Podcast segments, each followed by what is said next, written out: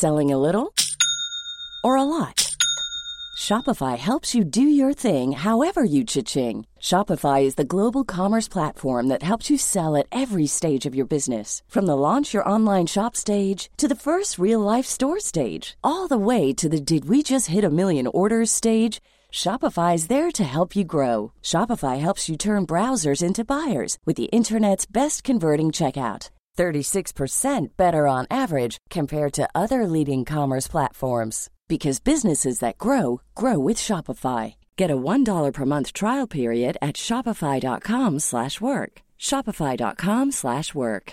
Hiring for your small business? If you're not looking for professionals on LinkedIn, you're looking in the wrong place. That's like looking for your car keys in a fish tank. LinkedIn helps you hire professionals you can't find anywhere else, even those who aren't actively searching for a new job but might be open to the perfect role. In a given month, over 70% of LinkedIn users don't even visit other leading job sites. So start looking in the right place. With LinkedIn, you can hire professionals like a professional. Post your free job on linkedin.com slash people today. Burrow's furniture is built for the way you live. From ensuring easy assembly and disassembly to honoring highly requested new colors for their award-winning seating, they always have their customers in mind. Their modular seating is made out of durable materials to last and grow with you. And with Burrow, you always get fast, free shipping. Get up to 60% off during Burrow's Memorial Day sale at burrow.com slash ACAST. That's burrow.com slash ACAST. burrow.com slash ACAST.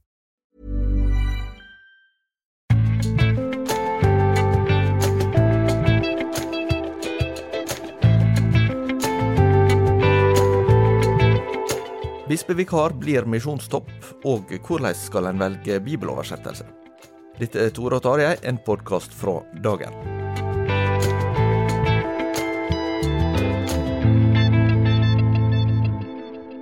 Tarjei Gilje og jeg, Tore Hjalmar Sævik, sitter her vi bruker å sitte når vi tar opp podkast. Men jeg må si legge merke til, Tarjei, at du er litt eh, penere kledd enn vanlig i dag.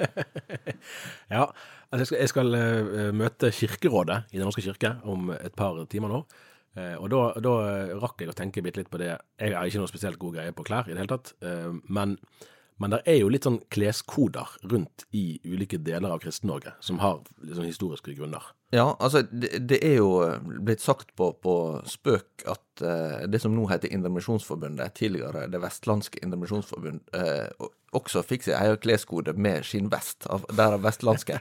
Og predikanter gjerne da hadde det når, eh, når en var på talerstolen. Ja, ja.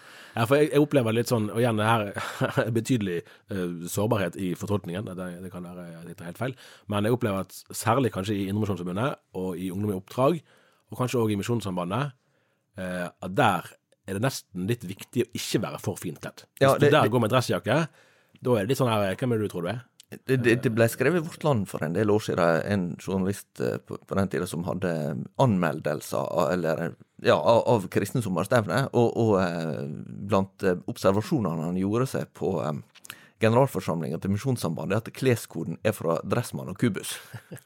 Ja, tall det da kanskje det. Det spørs om det er tilfellet lenger da. Det er ikke sikkert, men, men, men eh, det er jo noe med at eh, det er en lekmannsorganisasjon med et eh, folkelig preg, må en kunne si. Ja, ja, ja. ja jeg merket meg annet på generalforsamlingen til Misjonssambandet nå i sist sommer, at der kunne gjerne møteledere, og det er jo flere tusen mennesker i salen, kunne gjerne stå i shorts. Ja. Og lede. Det hadde ikke vært like greit alle steder. Nei, så, så du føler at du måtte Ja, for det var i motsatt ende. Du kan si at pinsebevegelsen er jo kanskje litt sånn Det er jo egentlig en arbeiderbevegelse. Nå er det blitt ganske sånn moderne og trendy, så der jeg vet ikke om det er så mye dresser akkurat, men det er ganske sånn penere i tøyet. Mens når du er i Norske kirke på kirkemøte og lignende, da, da eh, føler jeg vel at du er litt på minus da, hvis du ikke har på deg jakke. Ja. Det er jo også internasjonale forskjeller her som er viktig å være, være klar over. Altså I f.eks. Storbritannia og, USA så er jo en, en tendens til at folk, ikke minst amerikanere, kler seg jo penere på jobb og mer uformelt på Ja, fritida. ja. Eh, og for nordmenn så kan dette bli krasj, da, fordi at en eh, kommer for dårlig kledt i jobbsetting og, og for eh, pent kledt når en skal møtes til middag seinere. Så, så eh, der er litt sånn eh, ting Altså, nordmenn har jo det kanskje med, og ikke minst vestlendinger, har dukke opp i dongeribukse og, og allværsjakke og tenke at det, det må være helt, eh, helt greit, liksom. Men, men eh, det kan være at en del syns at det var litt, litt ufor, vel uformelt. Men, men du burde være på den sikre sida i dag, tror jeg. Du syns det? Ja. Ja, det er godt å høre. Det, det vil jeg si. Eh, apropos Den norske kirke, de har denne veka mist en prost. Ja, altså jeg kan bare først si et litt sånn artig poeng at det, det som vi visste denne uken her, var jo at, eh, at eh, Misjonssambandet skulle få ny generalsekretær, og Bjørgvin får ny biskop. Og vi tror vi kunne det er ca. 100 sikkert at eh, det var ingen som var kandidater til begge deler. Nei. Men den som blir generalsekretær i Misjonssambandet, han eh, kommer fra en stilling som Ja, prost i. Sør-Hålogaland bispedømme, altså det bispedømmet som omfatter Nordland fylke. Mm. Og um, det har vel, så vidt vi har funnet ut av, ikke sett før at en ordinert prest har blitt generalsekretær i Misjonssambandet. Det er flere som har vært teologer. Her må gjerne lyttere korrigere oss hvis vår historiske kunnskap eh, er mangelfull. Eh, Men Absolutt. det er ikke uvanlig at det er måte teologer som er generalsekretærer i misjonsorganisasjoner, selv om det er lekmannsorganisasjoner. Eh, Men, men vi kan ikke huske, i hvert fall i NLM, da, at det har vært ordinerte prester før. IMF har jo hatt det. Ja. Men det er jo på et vis eh, ekstra interessant fordi at eh, Nå husker jeg ikke hvordan det var med eh, Øyvind Aasland som gikk av som generalsekretær i fjor, om han var utmeldt av Mm, han kirke. Han var det. Og det var også forgjengere, Ola Ja, Tulloan. Og eh, dette framstår kanskje litt sånn nerdete, men, men dette er litt viktig fordi at Misjonssambandet var jo lenge ikke bare eh, tilhenger av Den norske kirke som folkekirke, men statskirkeordninga. Fordi en så på dette som et stillas eller et godt utgangspunkt for å drive sin misjonsvirksomhet. Altså at det finnes eh, en kristen eh, struktur da, som, som vedlikeholder eh, forkynnelse og opplæring i det norske folk, og som en da kan eh, nå med eh, Misjonssambandet sitt si kall til både da eh, tru og, og tjeneste. Mm. men så ble jo den teologiske avstanden opplevd å være såpass store at dette her eh, ble mer problematisk ettersom åra gikk. Og så endte det opp med at Misjonssambandet oppretta også sitt eget trossamfunn, eller sitt eget ja, en mulighet til registrering, som vi har vært inne på i tidligere episoder. Men nå er det altså en som kommer rett fra, og har faktisk vikariert som, som biskop nå for noen uker siden. Mm, ja, han gikk av ved årsskiftet. Ja, og nå blir generalsekretær i Misjonssambandet. Det er ganske interessant. Ja, det, det er kontra Altså, det skulle man ikke tro, da. Fordi at, som du sa, Ola Tulloan meldte seg ut i 2007, tror jeg, fra Den norske kirke, i, i forbindelse med samlivsetikkdebatten som var på det stadiet den var da. Øyvind Aasland meldte seg vel ut i 2016, etter det første av to vigselsvedtak som Kirkemøtet gjorde. Eh, og Det har vært liksom den dominerende eh, trenden. Eh, det er jo verdt å merke seg for så vidt at, at Egil Grandhagen, som var den, den legendariske generalsekretæren før begge disse to, han eh, pleide jo på sine gamle dager bl.a. et nærmere forhold til biskop Solveig Fiske, i området der han bodde. Eh, så det er jo liksom Ja, hvor, nært, eller hva Nei, hvor nært det var, vet vi ikke, men, men man kunne tro at det, at det ikke var en relasjon han overhodet ville oppsøke. Men det gjorde han. Eh, Sånn at Misjonssambandet er eh, større og bredere enn det man kanskje kan få inntrykk av ved første øyekast. Og det er jo egentlig det vi ser her. At Bråten representerer en gren av Misjonssambandet som er stor, og som mange tilhører, men som gjerne ikke har vært så tydelig representert i ledelsen de siste årene. Men eh, handler det om at, eh, at den grunnleggende har en annen teologisk forståelse, eller handler det om at den har et annet måte, syn på, på hva som er hensiktsmessig for Misjonssambandet å, å satse på? Akkurat. Og det, det er jo det som er det store spørsmålet. Det vi, han har ikke villet ta seg intervjuet ennå i forbindelse med, med ansettelsen, og, eller valget. da, og han, han begynner jo ikke før i juni, eh, og vil nok først og fremst konsentrere seg om å sluttføre prostejobben sin. Men det vi vet om han er jo bl.a. at han har vært rektor på Fjellheim bibelskole i Tromsø. Der har jo begge vi vært. Sant? Og vi Ikke som elever. Eh, Nei, det er sant, som besøkende, eh, som journalister. Og, og det var vel i 2019. Og da eh, kan jeg i hvert fall huske at det var flere som spøkte litt med det at om det ikke var for alle studentene fra Rogaland, så hadde ikke den skolen her vært liv laga. Altså med andre ord, eh, det er, det er for Nord-Hålogaland eh, er jo heller ikke regnet som et spesielt konservativt bispedømme, sånn i hovedsak. Du har læstadianere og noen andre, men i hovedsak ikke det.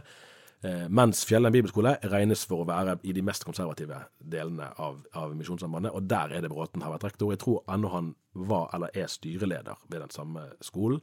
Så det er tydeligvis hans primære ståsted. Men så må det være et ganske stort eh, Altså en, en, en større pragmatisme hos han enn det nødvendigvis er hos alle andre, når han eh, for eksempel har inntil nylig, eller han har jo ennå faktisk ansvar for å se til at i den kirken der, et eller annet sted, hvis det ikke er noen av prestene der som har samvittighet til å vie likekjønnede par, så skal han sørge for at det kommer en annen prest som kan gjøre det.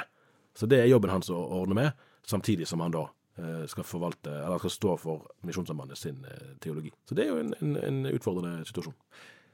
Ser du noen forklaring på at Misjonssambandet har valgt en altså, det, det, er jo sånn som vi har vært inne på tidligere, en de mest sånn uh, utbygde strukturene i misjonen. Det er jo den stør, suverent største misjonsorganisasjonen, men de har jo også såpass mange ledere som er tilkobla med f.eks. regionlederansvar, eller led, at de er rektorer på, på en av de store mm. skolene til Misjonssambandet, eller de har eh, misjonærerfaring, eller andre ting som gjør at en har vært inne i eh, måte, de sentrale strukturene. Da. Men her velger en jo en person som ikke har det. Altså, han, han ble jo innvalgt i hovedstyret. Mm. Eh, så, sånn sett så, så, er han jo mm, ikke, ikke fremmede for, for Misjonssambandet sentralt, men han har jo ikke hatt noe av de sånn typiske opprykksstillingene. Nei, absolutt ikke. Og det er sant som du sier, at der er jo Misjonssambandet ganske heldig stilt på den måten at de har når de skal velge til oppleder, så har de ganske mange å ta av av folk som har uh, f.eks. arbeidsgivererfaring eller ledererfaring på forholdsvis høyt nivå. Sånn at det er mange i, i landskapet. Og det er litt interessant at de velger uh, en som, som, er såpass ja, som ikke har vært i de, i de rollene tidligere. Vi, når, når, det på generalforsamlingen i fjor ble klart at de ikke uh, ble enige om hvem som skulle være hovedstyrets leder med en gang, så lurte vi litt på, sant? fordi Bjuland, Raymond Bjuland, som var uh, formann i forrige periode, han var jo åpenbart kandidat, og det hadde han jo sagt at han var. Uh, og så ble det jo spekulert i om Knut Espeland, som jo ble valgt til slutt, om han kunne være kandidat. Uh, begge disse satt jo i, i, styret før og var hver på sin måte involvert i de siste årenes spenninger. Mens Bråten kom inn, så vi spekulerte litt, kan han være en sånn joker til å bli formann? Fordi at av samme grunn som kanskje er litt inne i bildet her, da, at han tilhører ikke noen av fløyene i den altså kampen eller uroen som har vært knyttet til varslingshåndtering og organisasjonskultur de siste årene, så han kan komme inn kanskje med litt friere tøyler enn en andre kunne gjort. Men jeg tror ikke det var mange som hadde sett for seg at, skulle, at han skulle bli generalsekretær. Det tror jeg ikke. altså. Hva utfordringer er det han går inn i?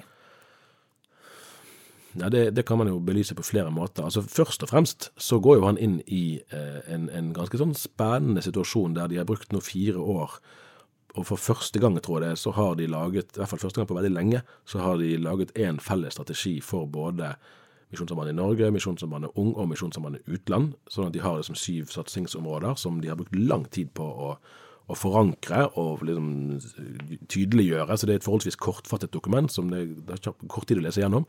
Så det er jo det han skal effektuere. Det er jo det som er det som selve bestillingen eh, for generalsekretæren.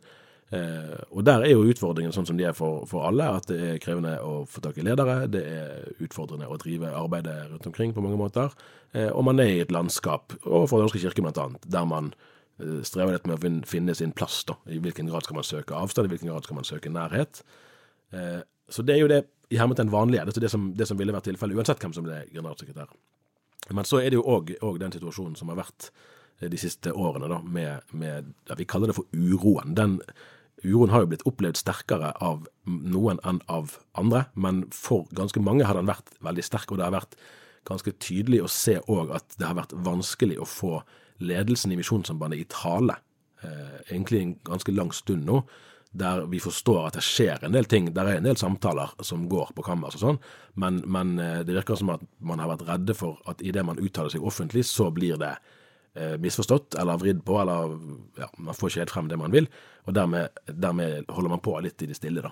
Eh, men, men eh, dette, dette, blir jo òg en stor del av hans hverdag. Og så spørs det litt hvor klare hvis, hvis, eh, Kanskje best case, da, vil jo være at man kan ha en prosess fra han begynner og i eh, en tid, et halvt år eller et år eller to år eller hva vet jeg, eh, og så klarer man å etablere noen bedre rutiner som gjør at dette Det vil jo komme nye saker, det vil jo alltid så lenge det finnes mennesker på jorden, men at man kan klare liksom å, å deeskalere selve konfliktnivået, da, sånn at han kan bruke mer av kreftene sine på å, å realisere strategien.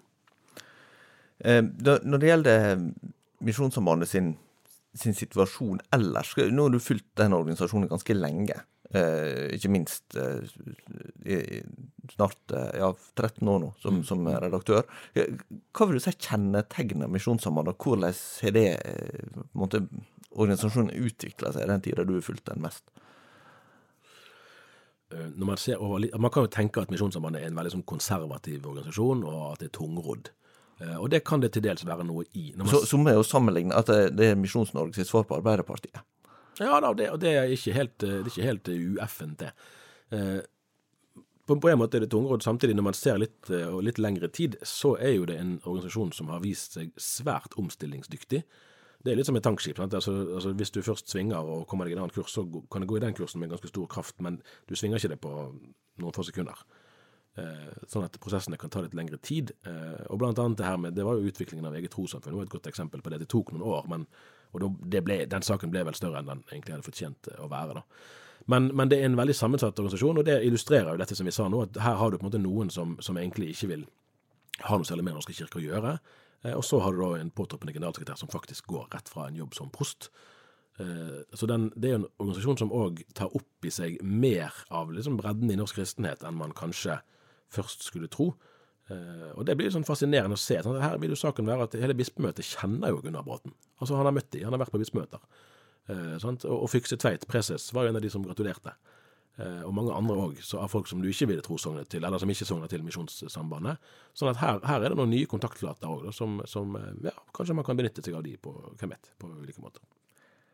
Det neste temaet vi tenkte å snakke om i dag, det handler om bibeloversettelse. Og det kan jo kanskje høres litt sånn eh, nerdete ut, eh, men det er jo et eh, spørsmål som, eh, som eh, angår eh, ganske mange. Og her var vi i den sjeldne situasjonen at eh, Christianity Today, som er regna som liksom, flaggskip-publikasjonen til evangelikale kristne i eh, USA, de eh, hadde en tittel som gikk noe sånn For Norwegians so loved the Bible that a new translation made many mad. Ja. Eh, og poenget var det at. Det var det. Eh, og, og, eh, men spørsmålet er jo om, om det kanskje kan gi lesere i andre land et inntrykk av at det har vært større engasjement rundt dette med bibeloversettelse enn det som iallfall vi har registrert. Og vi burde vel kanskje få med oss noe her vi sitter, da. Eh, men eh, for å ta, ta bakgrunnen først, da, så er det jo sånn at Norge har hatt eh, et eget bibelselskap nå i vel 200 år. Eh, Det norske bibelselskap. Og, og det var jo lenge på en måte det sjølsagte at eh, det var de som leverte den offisielle norske bibelen. Og så kom den første nynorske da på, på 1930 Eller det vil si, jeg skal ikke gå inn i detaljene der, men altså de har iallfall eh, levert både eh, nynorsk og bokmål og, og vært den sjølsagte referansen. Men så oppsto det en eh, strid med Bibelen som kom i 1978, eh, som var mer sånn eh, idiomatisk i betydning at den prøvde å uttrykke et mer moderne språk, og, og, og alternativt til idiomatisk å være konkordant, mer sånn ord for ord. Um, eh, og så kom det da en reaksjon med tidligere Dagen-redaktør eh, Arthur Berg, eh, teologiprofessor Carl Fredrik Wisløff og pinsehøvding eh, Toralf Gilbrandt, som leverte Norsk bibel i 1988. Og så kom det igjen en ny bibeloversettelse i 1997, eh, som er nors- eh, Bibelen Guds ord, mye brukt i eh, karismatisk miljø, man kunne, kunne si, da. Fra Bibelforlaget. Dette var et, eh, det historiske risset, men, men poenget var at nå kommer Bibelselskapet med en oppdatert variant av sin siste bibel, som kom i 2011. Og da virker det egentlig som om, da den 2011-bibelen kom, at eh, nå var den litt sånn eh, Har fått en posisjon som den er mer sånn sjølsagt igjen. Ja, ja. Altså, jeg husker Den første bibelen jeg fikk, det tror jeg var til tiårsdagen fikk jeg av mine besteforeldre, og det var 88-oversettelsen. Og det var jo som selvsagt for, for en med min bakgrunn, og at det var den vi, vi valgte, eh, og den leste jeg mye. Eh, og så, eh, når den 2011 kom, så da ble det tydelig egentlig at, at nå, var det, nå var det mye vanskeligere for, for norsk bibel da, å komme noen vei. Den ble vel revidert i 2005, tror jeg. Men, Ja, 7, tror jeg. 07, ja, det var det, stemmer det. Ja. Eh, at det var vanskeligere å vinne oppslutning. Og jeg husker Karl Johan Halleråker, som da var generalsekretær, eller han var vel gått av, men han var jo ganske nylig da generalsekretær i Indremisjonsforbundet, Uh, snakket om at 2011 var den nye folkebibelen. Eh, og det ble det vel òg. Eh, hvis jeg skal si det helt enkelt at det som du sa, at den Bibelen Guds ord er i bruk i en del pinsekarismatiske sammenhenger. Stort sett bare der, har jeg inntrykk av. Dette er altså usikre observasjoner. Mens, mens eh, norsk, altså Bibelselskapet sin har vært ganske enerådende. Og noe av det som er For dette kan jo virke, og det kan jo være ganske nerdete, og, og det er interessant å komme litt inn i oversettelsesarbeidet og forstå hvor vanskelig det er. Sant? Der man i mange tilfeller står overfor vi må velge det eller det, og ingen av alternativene egentlig er helt gode. Ja, en klassiker der er jo det med Fader vår. Ja, akkurat. Eh, Der, der eh, blant annet finnes det ei eh, form. Altså dette her med, med eh, hel, eh, La navnet ditt helgast, eller Ja, og, og, og ditt led oss ikke inn i fristelse. Ja, ja. Det, det er jo sånne formuleringer som det, det er egentlig eh, i, i sin greske form, da. Så er det visst egentlig ikke mulig å uttrykke det natu helt naturlig på norsk. Nei. Nei, og så husker jeg også et sånt ord fra, fra den 88-oversettelsen som jeg da brukte sjøl i mange år. Så jeg, Det var der jeg lærte ordet kjød. Eh, men det er jo et ord som, som kun var i bruk i bibelteksten. Ja. Eh, og det er jo i seg sjøl en utfordring, hvis, du skal, hvis Bibelen skal ha et språk som du ellers ikke forholder deg til. Eh, Det var jo noe av poenget med at man har oversettelser. At, at selve Altså innholdet skal være det samme, men at, at selve språket forandrer seg jo. Ja. Eh, Vi, gotisk, vi skriver ikke gotisk lenger, vi snakker ikke altså, ja. Nei, så har du eh, et eh, eksempel som, som kan være illustrerende hvis en ser på andre land. Altså, jeg, jeg, husker um, det, ble brukt som et, eh, et tilfelle fra, fra et eh, tropisk eh, område. da, At det skulle lages en bibeloversettelse. Men hva gjør du eh, når du skal forklare at eh, dine synder skal bli hvite som snø? ja. Eh, og da hadde en valgt å uttrykke med at de skal bli hvite som kjernen i ei kokosnøtt. Ja. Eh, for det, det for, forteller faktisk at noe er hvitt. Hvis du aldri har sett snø, så er det ikke så lett å forstå det. Oi, der var det Seriøst eh, tordenvær like utenfor kontoret. faktisk. Ja. Så kan det gå. Vi får satse på at det ikke forstyrrer sendinga her. Det går bra. det går bra. Eh, men, men det sier noe om at du, du skal prøve å ivareta det at Bibelen er en helt spesiell tekst, med, med en eh, Ja, at det, det er hellig skrift, og samtidig så må den være lesbar for mennesker i en gitt kultur på en gitt tid. Og så skal en også ivareta em, det å uttrykke det som faktisk blei meint eh, i, i tekster, og ikke på en måte gjøre kunstig opphøgt heller. Altså Det var jo en ting du var inne på, husker jeg, du skrev en kommentar om, om Bibelen 2011, eh, om, om ord, eller uttrykksmåter som vi kan oppfatte ganske uærbødige, men som faktisk er det mest naturlige i, det, i det greske språket. Og hvis det, du skal basere det på hvordan det ble forstått i sin samtid. Du husker den sjøl, kanskje? Nei, faktisk ikke. Uttrykk som rakkerpakk. Ja, ja faktisk. For i 2011 så står det ordene rakkerpakk og faktisk piss Ja. med P. Ja. Det står faktisk i Bibelen. Det, det er litt gøy å vite. Eh, Men eh, det har vært litt diskusjon rundt eh, egentlig ganske store spørsmål denne gangen. Det går jo på eh, Johannes 3,16, faktisk. ja. eh, verdens mest kjente bibelvers. For så elsker Gud verden. Eh, At eh, han gav sønnen sin den enbårne, for at hver den som tror på han, ikke skal Nettopp. Hva skal mm. Eh, og da har det jo inntil nylig nå stått eh, 'gå fortapt'. Og så ble det diskusjon om er det det mest dekkende. Eh, og eh, her eh, foreslo en vel i utgangspunktet Gå til grunne. gå til grunne, og så har en endt opp med nå å velge 'gå tapt'. Ja. og, spørsmålet her er jo vil en si at den tapte, altså den bortkomne sønnen, eller den fortapte sønnen, er det den tapte sønnen, eller, eller altså er fortapelse og tapelse Altså tapelse er jo ikke et ord. Men, men hvordan, hvordan skal en tenke om det, da? For, for bekymringa vil jo være at en avsvekker eh, domsperspektivet som ligger i eh, tanken om, om at eh, mennesket skal stå til ansvar, og at en, en trenger en frelser. Ja. Og så har det et annet eksempel på noe av det samme, er jo, er jo eh, oversettelsen av ordet dulos, altså som egentlig betyr slave, eh, trell, eh, men som også kan oversettes med tjener. Eh, og der er det jo òg noe med assosiasjonene man har, for man kan jo nok antagelig argumentere for at, at den, det Paulus eh, la i det ordet, er noe annet enn det vi nå kjenner som slavehistorie. Ja, for, for vi forbinder jo gjerne med det transatlantisk eh, slavehandel Ja, ja, og, og, og eh, plantasje. Og i så fall er jo det ganske fryktelig. Ja. Altså, Hvis du er Kristi slave i alle dager. Ja. det. Eh, Men med det slavebegrepet var jo mye videre Ja. eh, i antikken. Ja, Eh, Og det omfatter jo på en måte Og, og samme, på samme måte som det med fortapt og, og tapt osv. At, at her er jo på en måte hvilke assosiasjoner er det dette bestemte ordet gir til de som faktisk skal lese denne boken. Eh, og vi kan, Det var jo blant annet noe av det siste Halvor Nora gjorde før han gikk av som biskop i Bjørgund, var jo faktisk å advare mot noen utstrakt bruk av ordet slave i denne sammenhengen. At det, det vil virke veldig fremmedgjørende, for det, er et ord som Og her er det òg en, den del av, altså en del av kirkehistorien, at, at det tok ganske lang tid før Kirken tok det oppgjøret som var nødvendig med, med synet på, på slavedrift, eh, og at man på en måte åpner en sånn dør igjen, da. Eh, Så det er jo, men, men virkelig, altså dette, bibeloversettelse, det er veldig vanskelig. da er det desto mer imponerende når det faktisk samtidig nå er én mann som har gjort dette helt alene. Det er sant. Det er Kjell Arild Pollestad. Mange år kjent som en ganske medieprofilert pater i eh, Den katolske kirke. Eh, han eh, har rett og slett nå i løpet av fem år eh, tatt hele ja, alle 66 bøkene fra første Mosebok til Johannes' åpenbaring. Og forlaget Press skal, eh, skal gi dette ut. Det, det er jo sånn du kan nesten ikke tro at, eh, Nei, at det, det er han, har mulig. måttet, han har hatt litt å gjøre på. det sånn.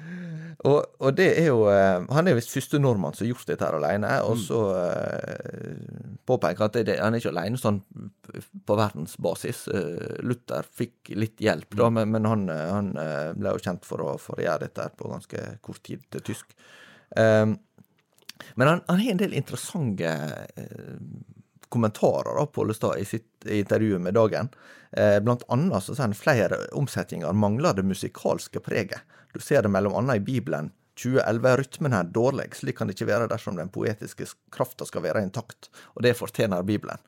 Og så spør da eh, vår eh, eh, journalist eh, og gode kollega Øystein Lid eh, om eh, hvordan det kan ha seg når eh, en har hatt inne for, kjente forfattere som Jon Foss, Inger Elisabeth Hansen og Karl Ove Knausgård som konsulenter. Ja, det forstår jeg ikke. Det er selvsagt mye fint også, men heilskapen er ikke god. Konklusjonen min er det er umulig å skape poesi i en komité. Så eh, det var, det var dagens eh, fyndige uttrykk fra Det er jo kanskje mest av alt sånn at altså for i, Særlig i USA eh, sant, så finnes det jo en hel rekke oversettelser. Eh, noen er mer tett på grunnteksten, noen er mer sånn tematisk innrettet. Eh, og vi kan vel si at eh, ofte kan mange av de ha noe for seg. Og at det er en styrke i sum at det finnes flere. Ja, og, og somme vil jo ha et mer sånn parafraserende preg. Altså en, uh, The Message, for eksempel, som er en sånn gjenfortelling. Og, og så vil det også være litt diskusjoner rundt det med, med hva tekstutvalg en skal ha. Det er jo- Eh, for, for somme vil jo holde seg Det er jo eh, nevnte Bibelen Guds ord. De har jo valgt en såkalt eh, tekst, textus receptus, som eh, har vært brukt lenge, men som bibelforskere sier at det er ikke de eldste tekstene. Og dermed så er det på en måte et utvalg som ikke er, ikke er nær nok rundt teksten, selv om den framstår som eh, eh, veldig utbredt, da, eh, så, så, er det nok med at eh, en mener ser seg forplikta til å hele tida søke etter de, de eldste, eldste tekstene. Og det finnes jo ganske mange eh, avskrifter av Det nye testamentet. Eh, og, men det som går på variasjoner, er jo mer detaljer som, som ikke ikke for så vidt har så stor betydning for den jevne bibelleser, men, men det er noe med at dette er et presisjonsarbeid. så Ja, det er så Og det går fint an å forstå rasjonalet. For eksempel når vi snakker om det ordet dulos eller slave eller tjener eller trell. Sant? At det, når man skal sitte der og diskutere, så man vel, kan man lande litt ulikt. At vi kan bruke en oversettelse i ett eh, vers og en annen i et annet vers ut fra konteksten der og da. Men det sier seg selv at da, da har man jo gjort avveininger frem og tilbake, og at det kan være vanskelig å forene med et sånn som til orde for et ønske om en poetisk struktur for eksempel i tekstene. Eh, Det går an å forstå at de to hensynene kan stå mot hverandre, og da kan det være at det, det er fint det at vi har begge deler. Der blir iallfall mye å, å velge i, eh, så, sånn at eh, Ja, og dette er jo et, altså det å holde bibelteksten i live blant oss, at det er et levende ord, øh, virkelig, det, det skal vi se stort på. Og, og ja, det, på en måte er det jo litt kort tid kanskje siden Bibelselskapet hadde den, altså fra 2011 til nå. Det de begynte med revisjon allerede. Men ting skjer jo fortere i vår tid. Språket endrer seg nok fortere. Så det at det, det, ja, det er ikke bare dumt, det, altså. Da får vi ønske lykke til med å bruke disse forskjell forskjellige oversettelsene. Mm, det får vi. Og så neste uke kan det være vi skal snakke litt om hvem som faktisk blir biskop i Bjørgvin. Det får vi vite i kveld, Eh, men jeg vet ikke det ennå. Nei. Takk for i dag. Vi høres. Ha det bra.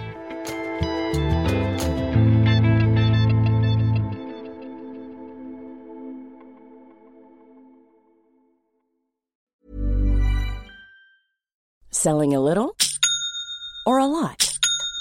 Shopify helps you do your thing however you cha-ching. Shopify is the global commerce platform that helps you sell at every stage of your business. From the launch your online shop stage to the first real life store stage, all the way to the did we just hit a million orders stage. Shopify is there to help you grow. Shopify helps you turn browsers into buyers with the internet's best converting checkout. 36% better on average compared to other leading commerce platforms because businesses that grow grow with Shopify. Get a $1 per month trial period at Shopify.com slash work. shopify.com/work.